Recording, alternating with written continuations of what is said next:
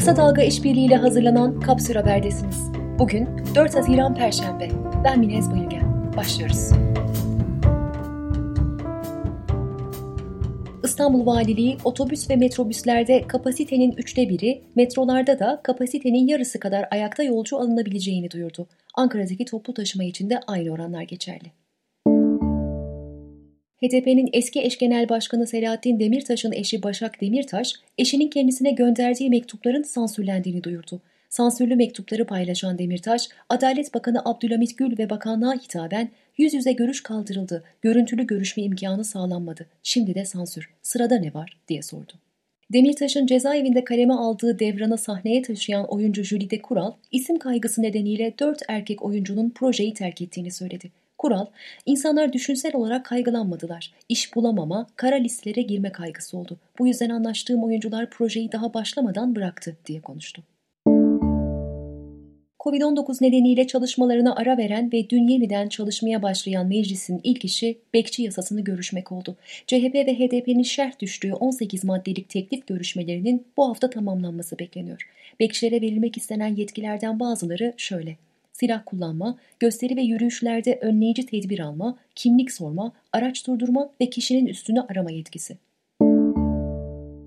Diyarbakır'da bir eve baskın düzenleyen polisin kapıyı kırarak içeri girdiği ve beraberindeki köpeklerle aileye işkence yaptığı iddia edildi. Köpeklerin saldırdığı yurttaşlar hastaneye giderek rapor aldı ve polislerden şikayetçi oldu. Raporda birden fazla köpek ısırığı olduğu tespiti yapıldı.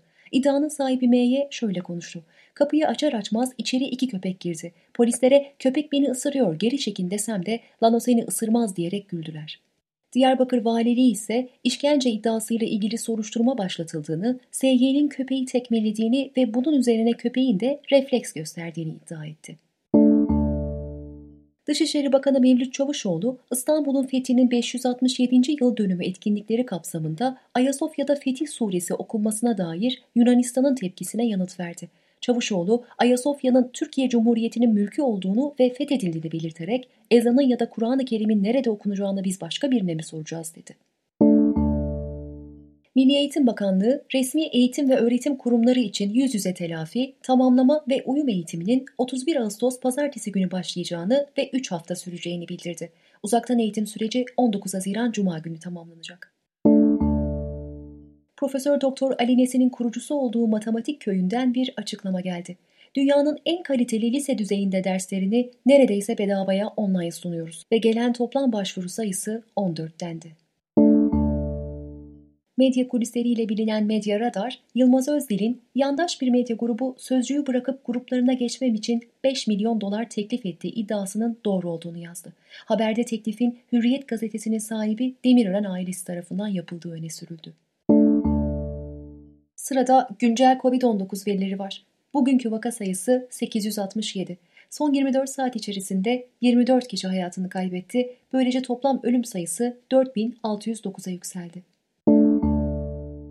Doğu ve Güneydoğu Anadolu bölgelerinde düğün, mevlit ve taziye çadırlarının vaka sayılarını arttırdığını söyleyen Profesör Doktor Recep Tekin, vatandaşlarımız yeni normalleşmeyi eski normalleşmeyle karıştırıyor dedi. Son olarak Diyarbakır'da bir mevlit yemeğine katılan COVID-19 hastası 37 kişiye virüs bulaştırmıştı.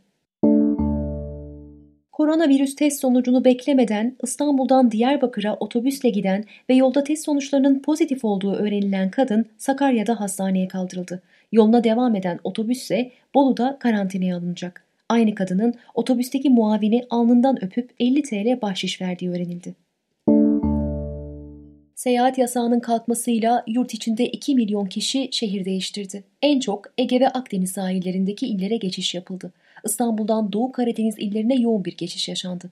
Aralarında 65 yaş ve üstü yurttaşlarla refakatçilerinin bulunduğu 910 bin kişi başka illere gitti. İsveç'te tartışmalı sürü bağışıklığı stratejisinin mimarı epidemiyolojist Anders Tegnell, ülkede COVID-19 hastalığı sonucu çok fazla insanın öldüğünü kabul etti. Tegnell, daha erken harekete geçmeliydik dedi. ABD merkezli haber ajansı AP, Dünya Sağlık Örgütü'nün Çin'le ilgili sızan raporlarını haberleştirdi. Raporlara göre Çin yönetimi salgınla ilgili bilgileri iki haftalık gecikmeyle örgüte iletti.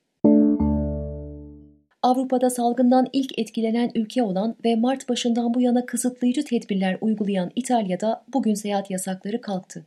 Üçüncü aşama olarak adlandırılan bu dönemde bölgeler arasında seyahat edilebilecek, Avrupa'dan İtalya'ya gelenlere karantina uygulanmayacak.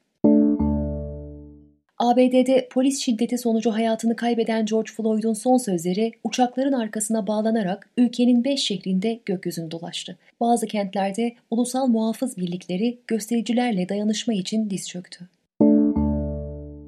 Paris'te 2016 yılında polis tarafından gözaltına alındığı sırada yaşamını yitiren Afrikalı Fransız Adama Traore için düzenlenen yürüyüşte çatışmalar yaşandı.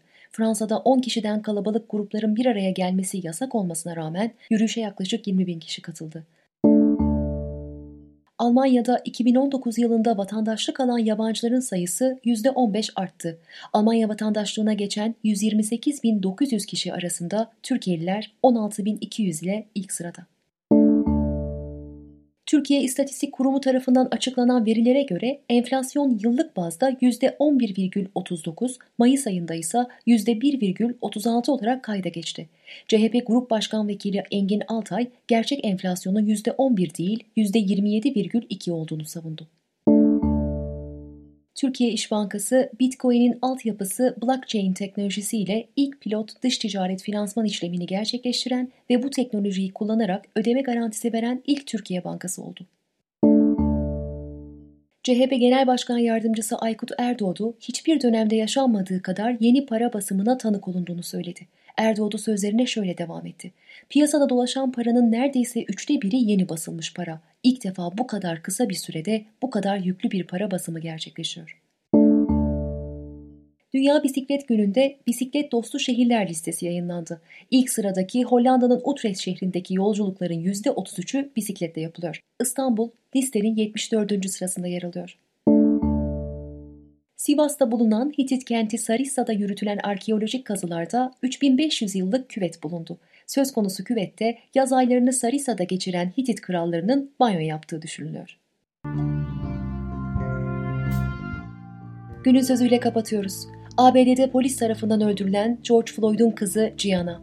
Babam dünyayı değiştirdi.